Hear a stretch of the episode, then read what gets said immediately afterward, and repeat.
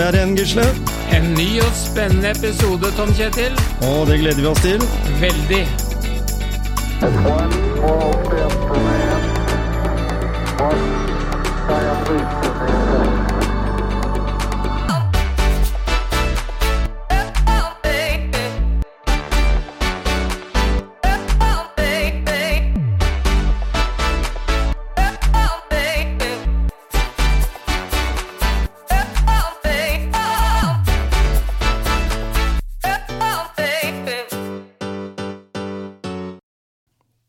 Tilbake i studio på Myren, Gisle. Ja, det er vi.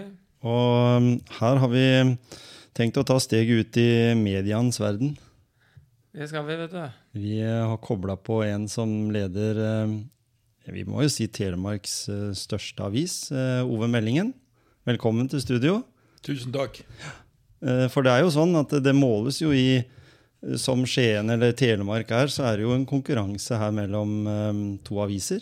I Ja. motsetning til mange andre distrikter, kanskje.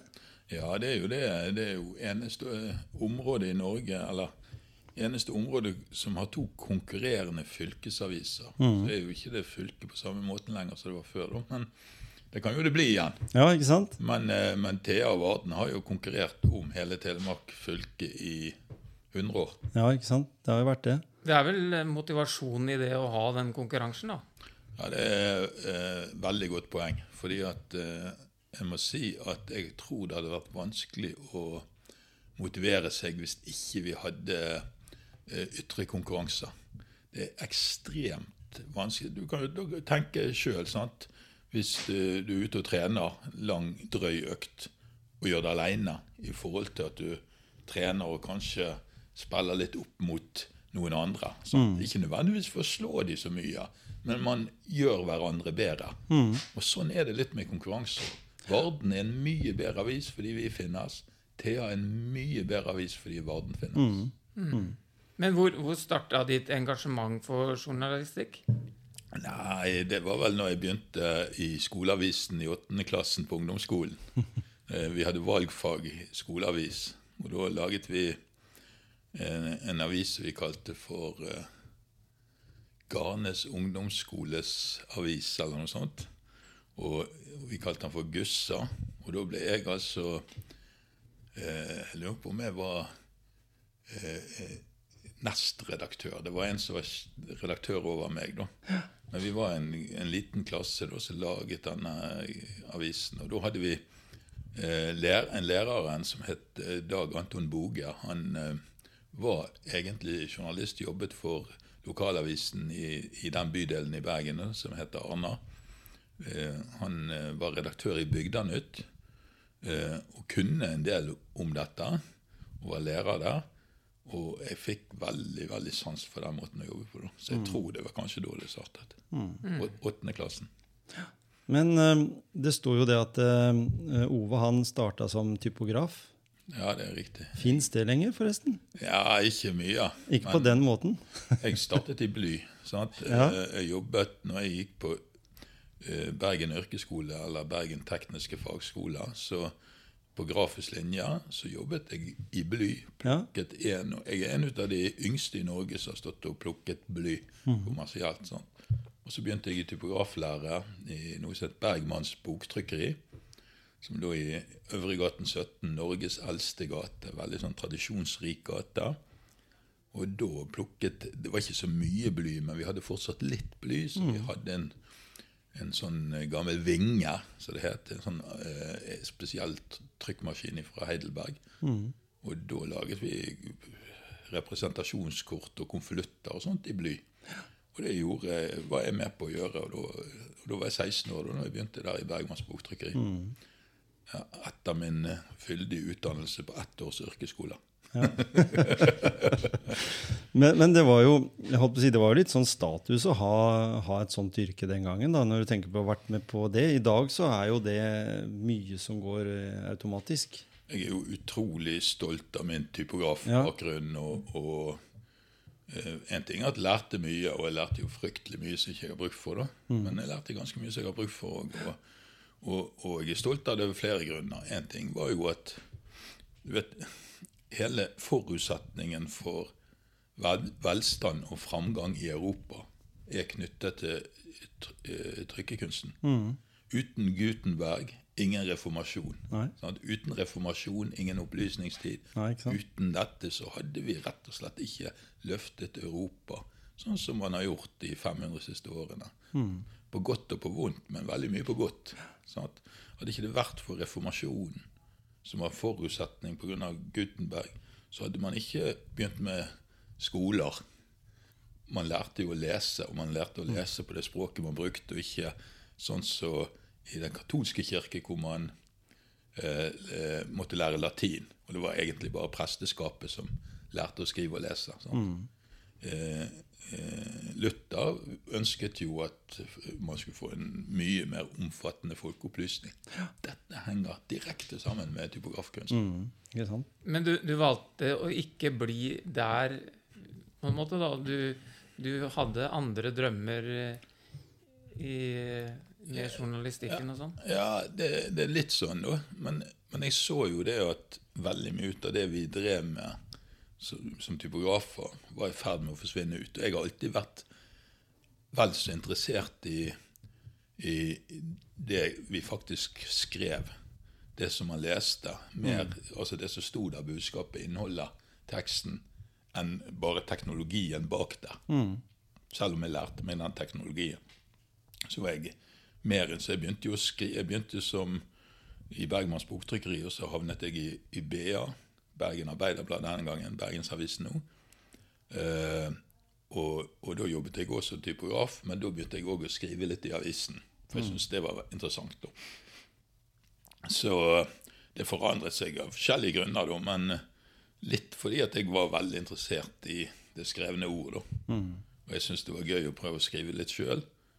Eh, og jeg leste alltid. Jeg leste jo Herre Jesus, jeg leste jo 10-15 aviser hver dag. vet du. Jeg tok jo, fordi, fordi at i BA så abonnerte de på aviser fra hele landet. Det var Ikke sånn som nå, at du kunne gå inn på, på nett. Så jeg ba jo med meg en hel pose med aviser hver dag. Med Namdals Arbeiderblad og, og Gjengangeren og Tidens Krav og Arbeidets Rett og Nordlys og alle disse avisene.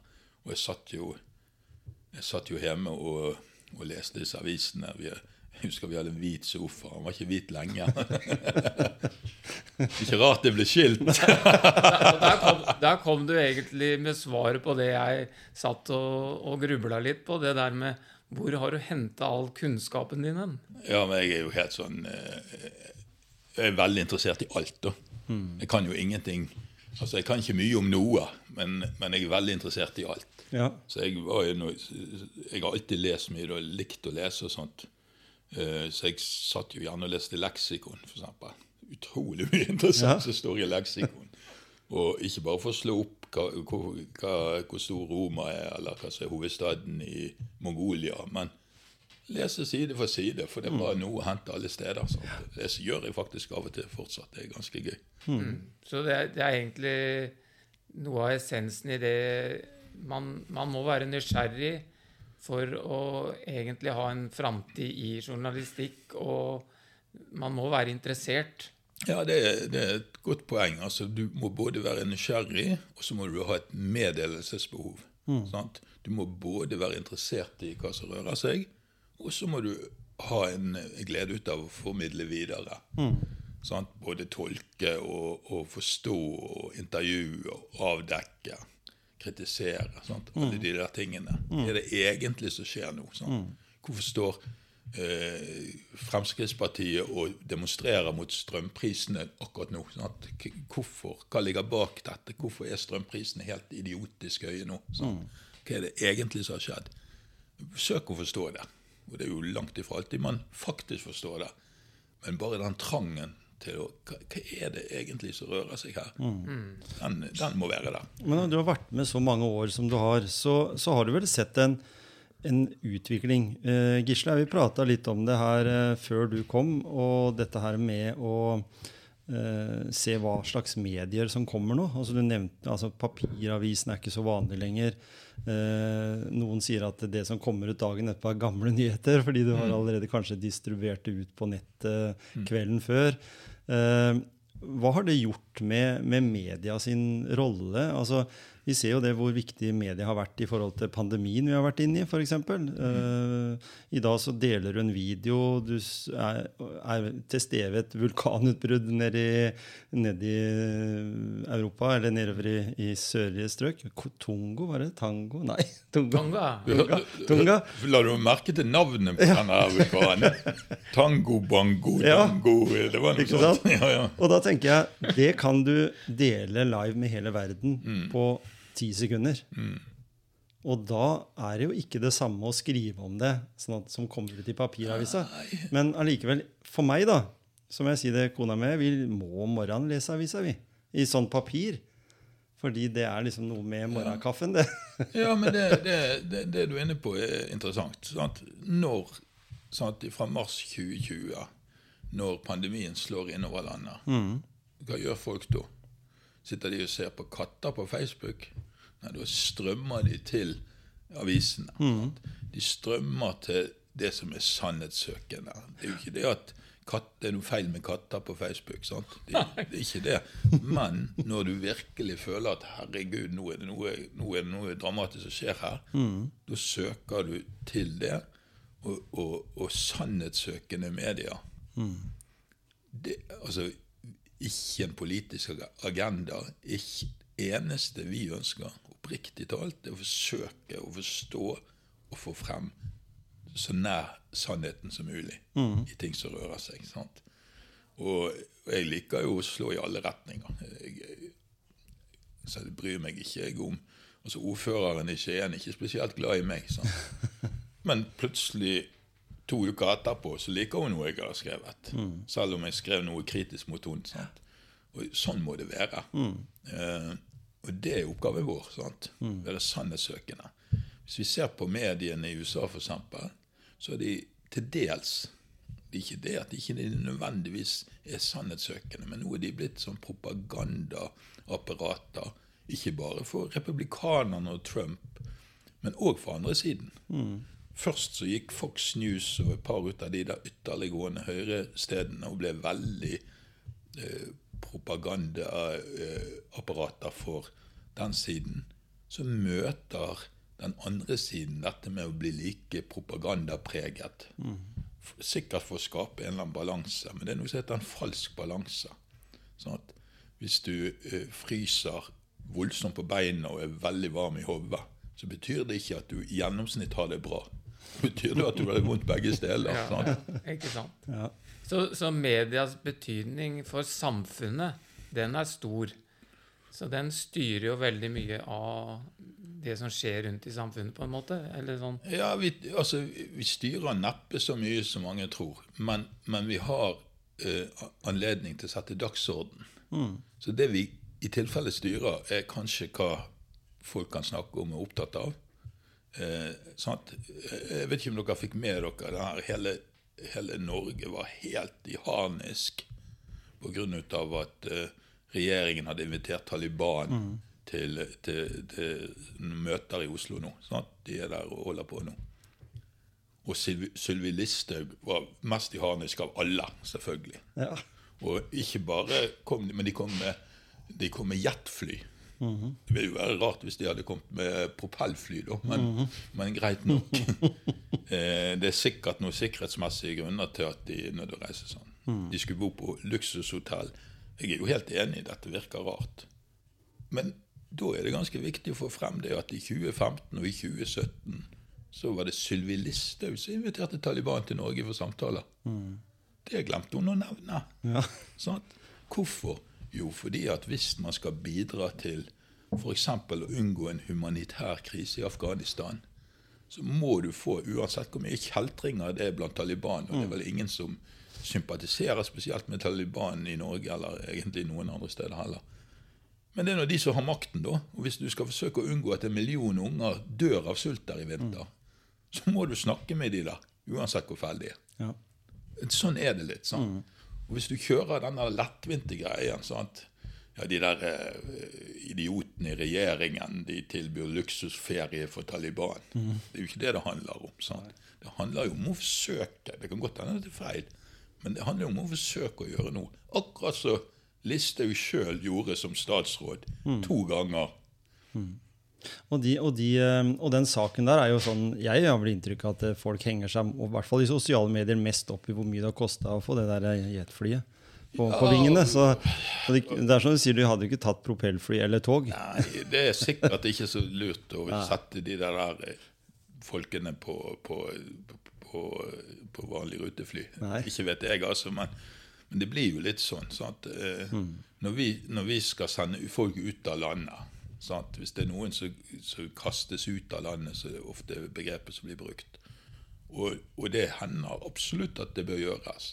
Så koster det jo sinnssykt mye fordi at det er to eller tre politifolk som er nødt til å sitte sammen med dem. Og når de da kommer ned til Istanbul eller hvor de kommer og Jeg har jo snakket med folk som har vært på sånne turer. Det er jo utrolig attraktive turer. For de Ja. fleste av disse menneskene er jo fredelige. Så sitter de sammen med dem på flyet, og så har de en langhelg i Istanbul for å komme seg hjem igjen på sånn 200 overtid og utenlandstillegg og, og fandens oldemor. Men det er nå sånn det er nødt til å være, da, Ja. kanskje. Og det burde jo være mulig for Norge, da, i et land som vi lever i, å, gjøre det på en sånn måte òg. Ja, I hvert fall hvis vi jeg, jeg tror jo av og til at Norge har litt for Altså vi, vi har ambisjoner om å være litt større enn vi er. ja. Eh, Jeg tror det. Jeg mener, jo, eh, jeg mener jo vi har gjort masse feil i forhold til dette. Jeg mener jo at det norske forsvaret burde vært et forsvar av Norge. Ikke, ikke i Afghanistan eller bombe Libya eller sånne ting. sant? Men det er jo nyanser i det òg. Men av og til så har de litt stort magemål på hva rolle Norge skal spille. Men samtidig så, kan, så har jo vi et ansvar. Når unger, når, når kanskje en million unger kan dø av sult For det første så er jo det en tragedie i seg sjøl. For det andre så fører jo det til en flyktningekatastrofe som vi må være med å løse i neste omgang. Alle husker jo 2014-2015 hvor vi mistet kontrollen over de norske grensene mot Russland. For russerne brukte tusenvis og titusenvis av flyktninger som en del av en diplomatisk krigføring, krigføring, tror jeg. Sånn dette blir vi eksponert for. Nå tror jeg de betaler milliarder til Tyrkia for at Tyrkia ikke skal sende videre syriske Ja. flyktninger til Europa. Altså, det er ganske kompliserte sammenhenger. Absolutt. Når, men når du, du snakker nå om, om så, Du har jo et enormt politisk engasjement. Eh, jeg tenker på sånn tenker på sånn eh, Telemarks Arbeiderblad, som det het i sin tid. Da, det var, da, var liksom, da var det rødt og blått. Avisene var uh, knytta opp med, mot politikk. Det er jo borte i dag. En må ikke ha Men, men det var det sånn når du kom til, til Thea, at det, det var en, en sånn agenda i, i avisa om at dere skulle heie på, på de røde. Var, var det litt sånn? Ja, det var litt sånn. Eh, eh, Jeg er den første redaktøren i Theas 100-årige historie som ikke er medlem av Arbeiderpartiet. Aldri vært medlem av Arbeiderpartiet, heller aldri vært medlem av noen andre partier. Eh, Jeg, jeg har et sosialdemokratisk grunnsyn. Til og med når Arbeiderpartiet ikke har det. Ja. si.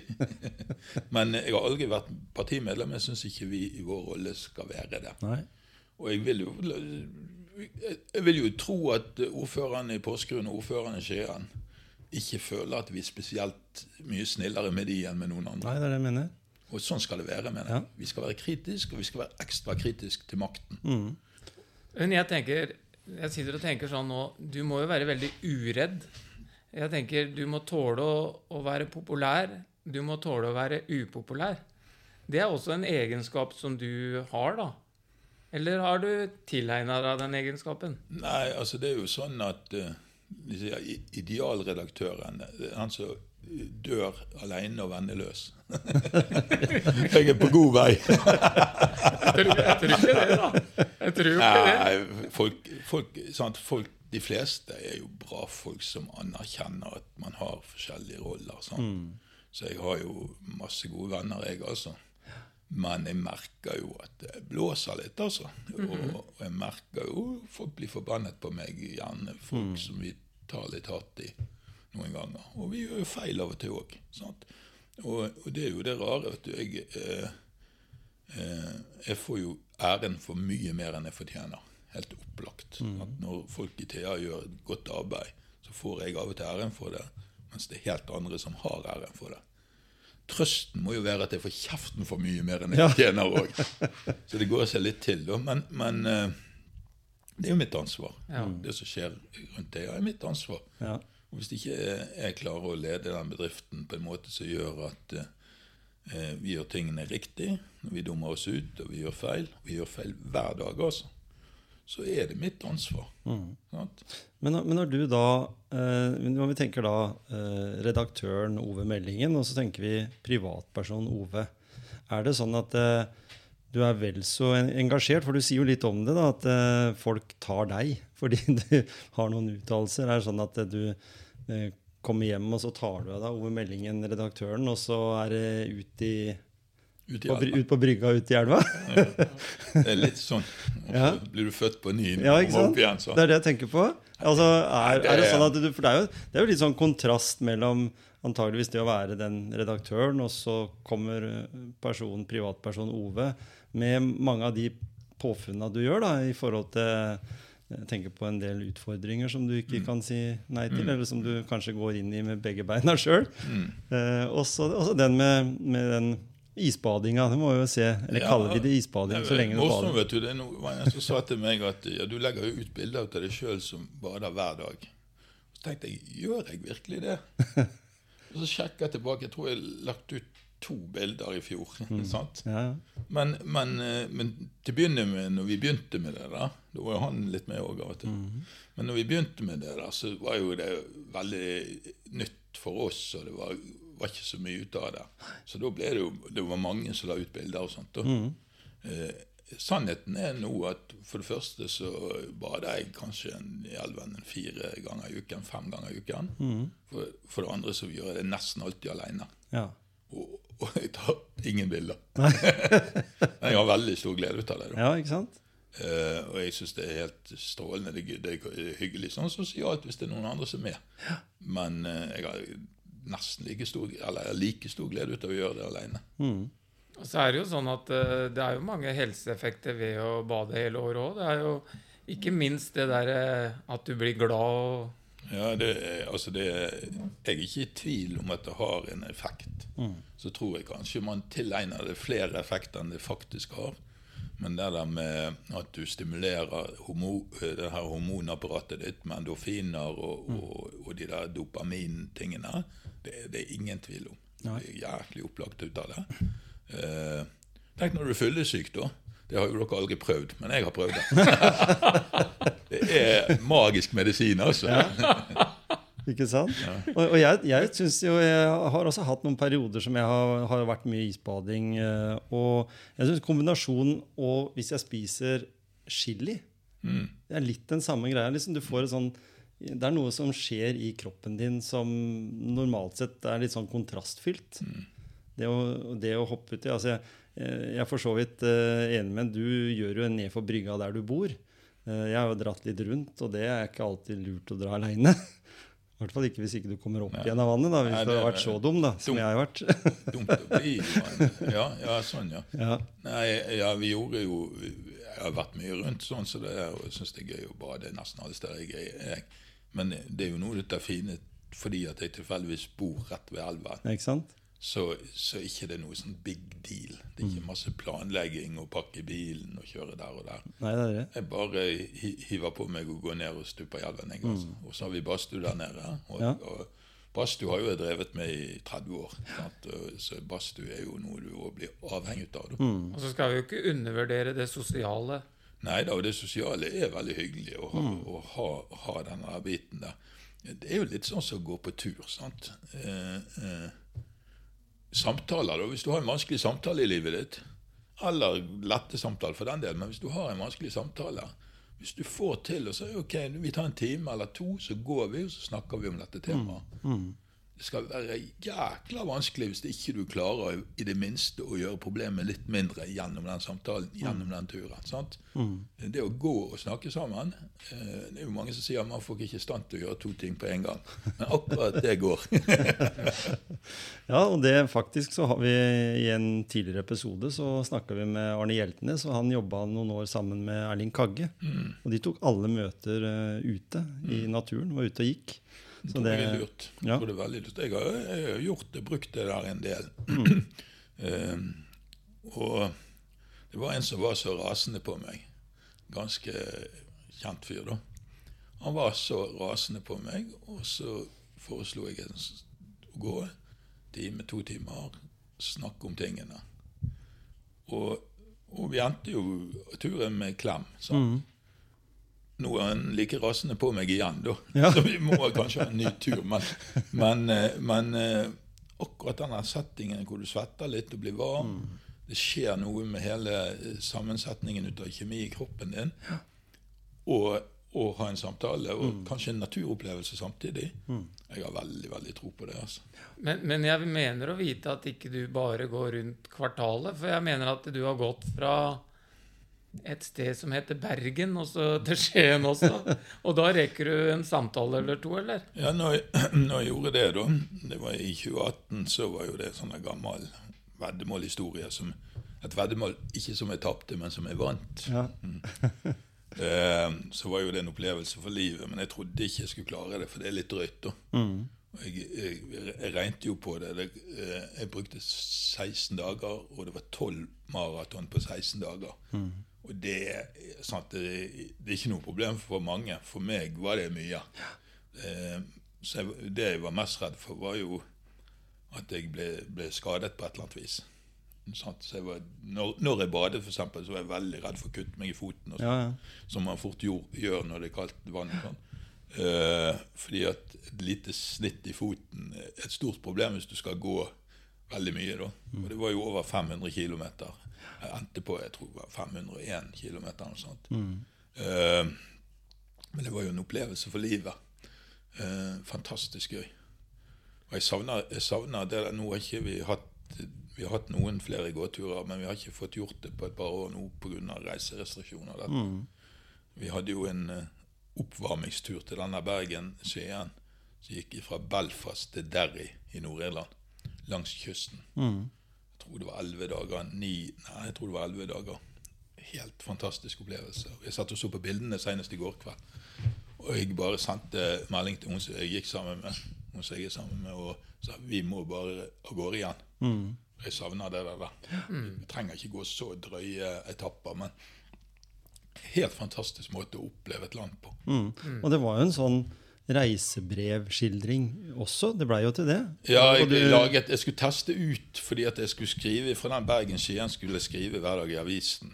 Og så tenkte jeg må teste ut den formen. Så da bare gjorde jeg det på Facebook, ikke i avisen. da. Eh, og så ble, så jeg at det ble jo veldig mange som følte det. da. Eh, og bare skrive de der stedsnavnene i Nord-Irland er ganske gøy. Ja, ja. Ali, Bali, Bali, Bali.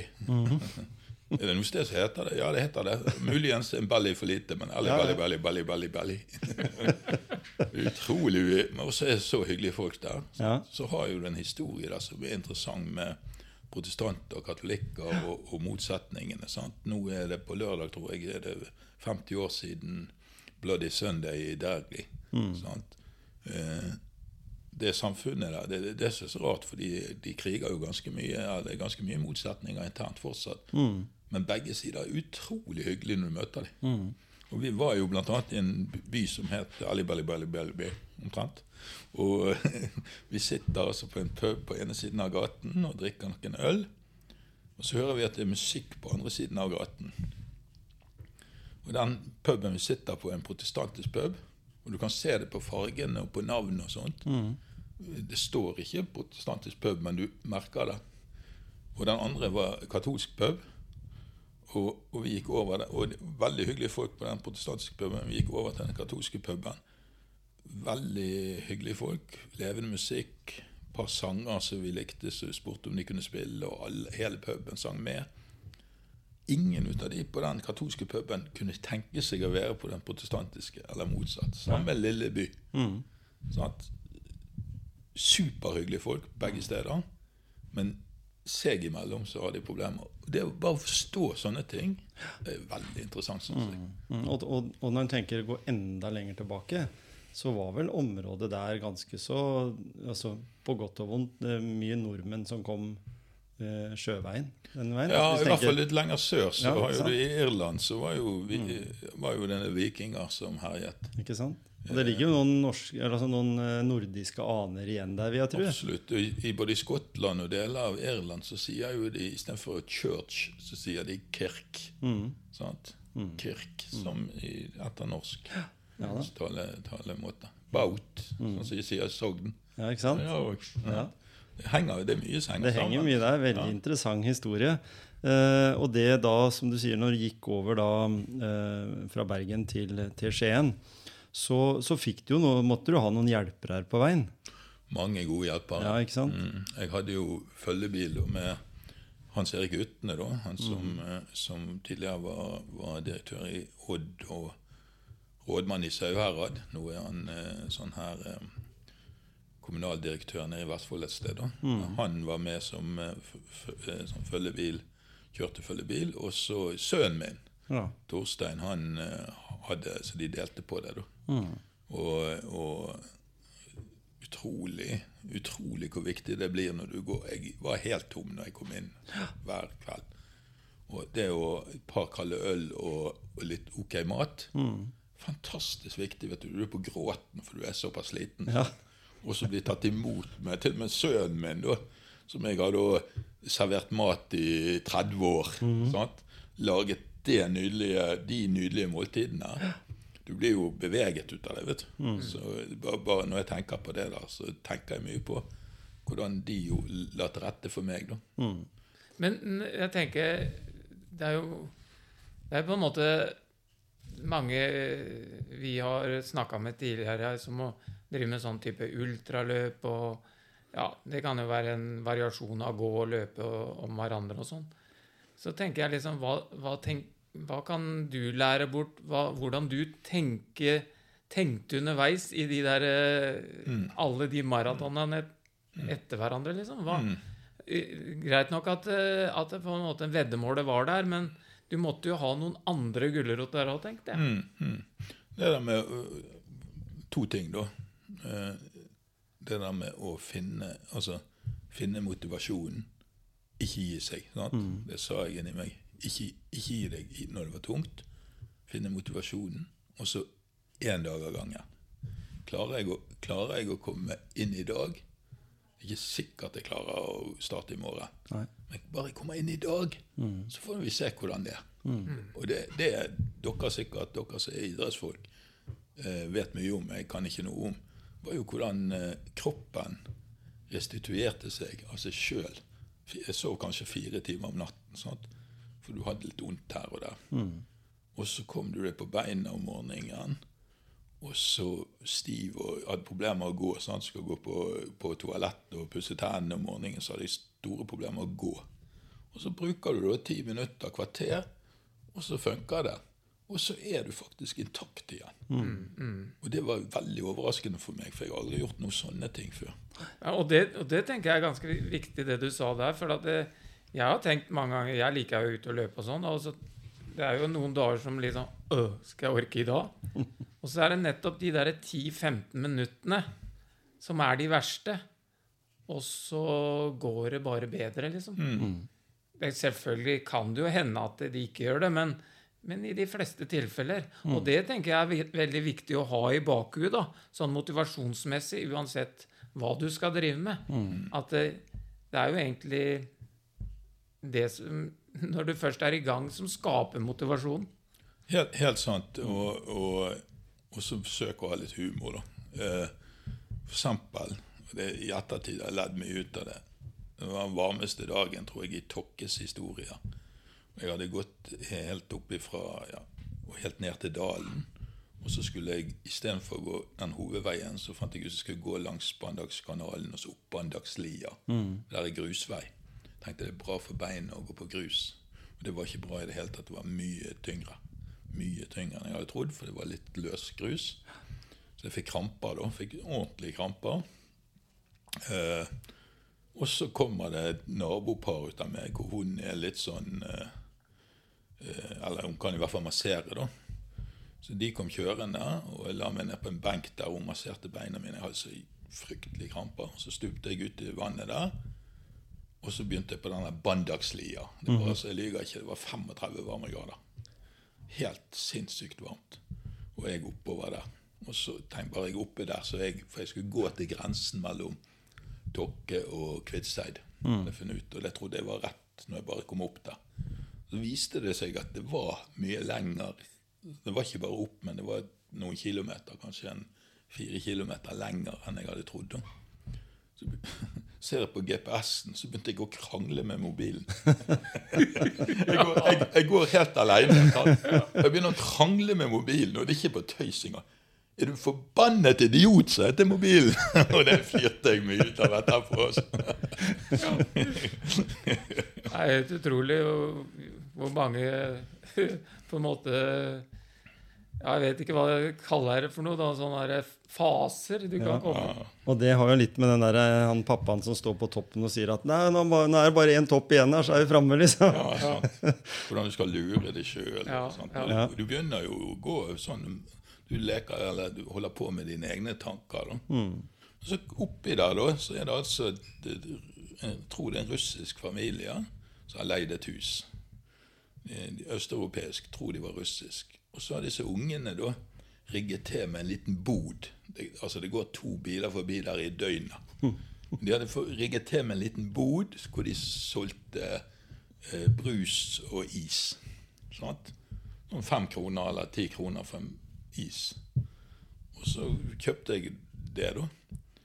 Og det hadde jeg stor glede ut av i flere kilometer etterpå. Der står disse nydelige ungene som eh, eh, Du kunne se var østeuropeere, da. med Litt med klærne og sånt. Og, og venter på de to bilene som kjører forbi der i døgnet. og så fikk de litt mer salg den dagen, for jeg kjøpte Ja.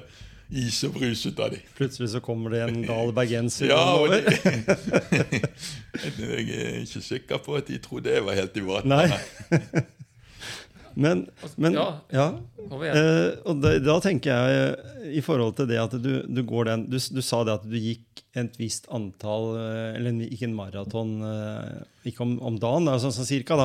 Men var det sånn at du hadde lagt opp noen sånne etapper på forhånd? Ja, jeg hadde lagt opp etapper, så Ja. måtte jeg tilpasse de litt. da. For de som kjørte følge eller sov jo i, i bilen, da. men det var jo en sånn der eh, campingbil.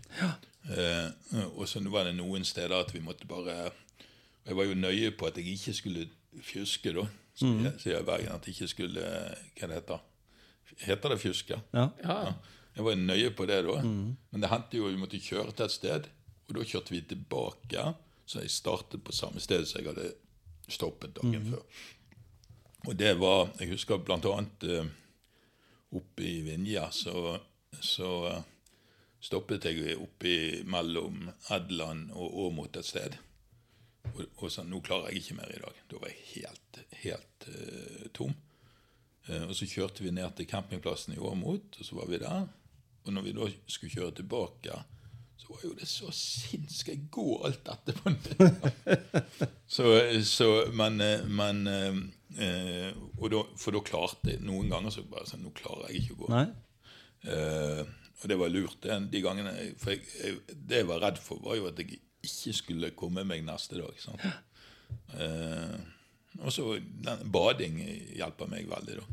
Så alle steder så gikk det an å bade. Det var et sted i Drangedal så, så var det, det var veldig tørt den sommeren 2018, som dere sikkert husker. Sant? Så det var jo veldig lite vann mange steder. Og denne elven som renner ned fra Gautefall og nedover Jeg tror det heter Lia der, eller noe sånt. Det var nesten ikke vann i. Men så var det ett sted et sted så det var en slags kulp, så det var ganske mye vann som kunne stupe ut, i. Men der satt det jo en familie som bodde der, da. Og den kulpen var jo omtrent inni i hagen deres, eller Ja. ved huset deres. Så de satt og hadde en eller annen flott middag da, ute. Sånn, stor familie. Så jeg, unnskyld meg, men jeg er bare nødt til å bade. Ja. Oppe til sånn, så skvettet på dem. Men, eh, men uh, eh, det, det er jo bare sånn som gir det løft. Sant? Og det gir jo god restitusjon, det å komme ut i vannet òg. Altså, Ja, sånn, det- og det var jo ikke sikkert det var 25 grader i vannet heller alltid. på ditt Nei, da oppe på Haukelivann, det var jo bare deilig. Ja, ikke sant? Altså, det var jo, jeg, pleier å bade på Haukeliseter eh, når jeg kjører til Bergen normalt, mm. og hvis ikke det er is der, og det er jo bare nydelig. Men du, du, har, du nevnte ikke hva veddemålet gikk ut på, da. Så jeg lurer litt om, på hva det var, og, og da kanskje om jeg trenger å stille neste spørsmål eller ikke, det vet jeg ikke ennå, men det får jeg jo svar på etter hvert. Nei, altså det veddemålet, det var jo eh, Det er jo gammelt, fordi at det var jo en annen gang vi hadde et veddemål, og det var at vi skulle i 2000, altså for 22 år siden, skulle, så ble jeg intervjuet av NRK, da. Og Eirik Haugen, som jeg ikke kjente da, intervjuet meg for NRK, og, og så litt om Brann og Odd og dette. Og så, og så kommer man spørsmål. Hvis, hvis Odd kommer til cupfinalen og da hadde de, husker på det, de hadde ikke vært i cupfinalen siden 30-tallet. altså. Ja. Og, dette var jo på forsommeren. Hvis Odd kommer til cupfinalen, går du til Ullevål da? tenkte Denne må jeg slippe unna, for det hadde jeg virkelig ikke tenkt på. Så trodde jeg jeg var lur, og så sier jeg ja, jeg skal gjøre det hvis du går med meg. At En mann på statsregulativet ville ikke eh, gidde det, altså. Sånn, ja, men det er greit, det. Og så skjer jo det at i 2000 så kommer jo Odd til cupfinalen. Så da gikk vi til Ullevål på tre dager. da. Eh, Jeg hadde en fantastisk tur. Eh, Men så ble det litt Og vi samlet inn penger til kreftavdelingen på sykehuset. 100 000 leverte vi over til de. Og når vi var ute og leverte den sjekken, så var NRK der igjen. Og så var jeg litt, eh, litt høy fortsatt på, på alle opplevelsene, da. Så da eh, sa jeg at når, ikke hvis, men når Thea blir større enn Varden Varden var veldig mye større enn oss da. Når Thea blir større enn Varden, så skal jeg gå fra Bergen til Skien. Og ikke bare det, jeg skal gå om Tveitsund. Som er jo ufattelig mange ekstra mil, altså. og så lo vi godt ut av det. Og så gikk det 18 år, da, så var vi større enn en Varden. Og så gikk jeg om Tveitsund. Så, så da hadde ikke det noe med fotball å gjøre. Men nå kommer spørsmålet, for da passa jo det egentlig. Odd eller Brann? Nei, for meg har jo det alltid vært Brann. Eh, Det er jo Den klassiske er jo det der at du kan skifte kan skifte bil og hus og jobb og, og, og by og alt. Du kan skifte kjerring flere ganger. Du skifter aldri lag. Nei, ikke sant? Og, men jeg er glad i Odd. Jeg er veldig glad i Odd. Eh, Men jeg er jo Brann-supporter. nå. Det, er det er en del av DNA-et. Ja, ikke sant? Så når de rykket ned nå i høst, og når, eh, når de spilte 4-4 mot Jerv i kvalikkampen det var, det var utrolig klart. det. var så, Og det var en jæklig spesiell kamp. Så hadde jeg kontakt med Sandstø, da, som trener Jerv, som har spilt for Brann og Odd og alt sammen. Vært kompis helt fra den cupfinalen i 2000. Og vet hva han svarte meg? Og han skjønner dette, vet du. Unnskyld. Ikke sant? Ja, for det er jo ikke tvil om Arne kommer jo fra Arne kommer jo fra Bergen og, Ikke og, og eh, er veldig glad i Brann, han òg. Men det er sånn irrasjonelt. Når du lever i fotballen, så når du legger noe ut av det der av deg Ja, ikke sant? Men jeg kan ikke det, altså. Nei. Jeg trenger ikke det heller. Nei. Så det er, det, er jo, det er jo deilig å være patriot og være uansett i opptur eller nedtur. Og der vil du jo vel sikkert være i, i eh, Thea også. Ja, jeg, jeg leter jo nå etter hvilke brannkamper jeg kan se. For er det noe år Brann virkelig trenger støtte, så er jo det akkurat i år. Men nå, nå er jo men nå er vel kanskje Bergen og Brann et av de laga uh, som på en måte har mange folk i ryggen, da, altså på, på godt og vondt. For det er mange som sikkert er veldig kritisk nå når de rykker ned. Men, men eh, det var jo ikke noe minus for Odd eh, den ene gangen når de var nede òg, å komme opp igjen. Fordi det, du lærer jo noe av det òg. Det som skjedde den gangen, var jo at Sandstø fikk sparken gjort Ja, Odd. og eh, Fagermo kom etter hvert inn. Ja. Eh, for Odd var jo det bra. De ryddet opp, Ja. og, de, og de stabiliserte seg. sant? Eh, men brann, for Brann er ikke dette bra. Det er ikke bra, fordi at eh, Ja, men det er noe det er Evnen til å lære er dårlig. altså det var Siste seriekampen så var jeg oppe og så Odd mot Stabæk på Falkum. Og så ble jeg intervjuet oppe i, i pausen der, da, med sånn her opplegg. Og så sier han hvis, hvis Brann ryker på nedrykk, tror du det blir bråk i, i, i Brann da? Så sier jeg hva er det du spør meg om? Det, blir alltid bråk i Brann. Ja. Uansett. Ja. Om de rykker ned, om de ikke rykker ned. Uansett. Ja. Alltid bråk i Brann.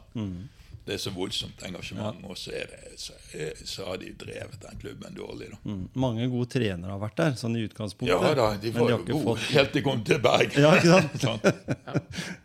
Så nei, for, fornuftig av Fagermo å gå til Vålerenga isteden, når han først skulle forlate Telemark, da. Ja, det var jo ingen i Bergen som ville ha han her. Nei. Han, han og bergenserne går ikke godt sammen. Men jeg har lyst til sånn på tampen, og nå har du jo nevnt på Du har jo gått eh, mer i Telemark enn mange andre telemarkinger har gjort. Uh, ditt forhold til eh, nå, nå snakker vi ofte om Vestfold og Telemark, og politisk nå så skal de jo enten splittes eller, eller beholdes sånn som det er. Men, men, men er du blitt veldig glad i Telemark de åra du har bodd der? Telemark er jo helt fantastisk. og det er jo, det er jo mest, Grenland er jo mest undervurderte området i Norge. Eh, folk som ikke kjenner Grenland, aner ikke hva rikdom ut av natur og kultur og historie som finnes her. Så Grenland er helt fantastisk, og resten av Telemark. Og jeg er superbegeistret for Telemark. Og, og, og jeg kommer nok til å ha basen min i Telemark helt til jeg skal i jorda. Ja. Det tror jeg nok uansett jobb eller ikke. Eh, fordi at eh, Telemark er helt suverent. Jeg er veldig glad i Bergen. Jeg og jeg, ungene, De to eldste ungene mine bor i Bergen. Og han eh, siste kommer sikkert til å havne der han studerer i Stavanger nå. Men, men, eh, så jeg kommer til å være en del i Bergen. Men det er Telemark som er mitt hjem. Det er liksom sånn som de sier, da. Det stemmer kanskje da, eh, at det er en Norge-miniatyr? Ja, at du har det- alle, mange av de elementene som de Ja, men det, er sant. det sier jo de om alle steder i Norge. Ja. Men, men i Telemark er jo det sant. Mm. I Telemark er det sant. sant?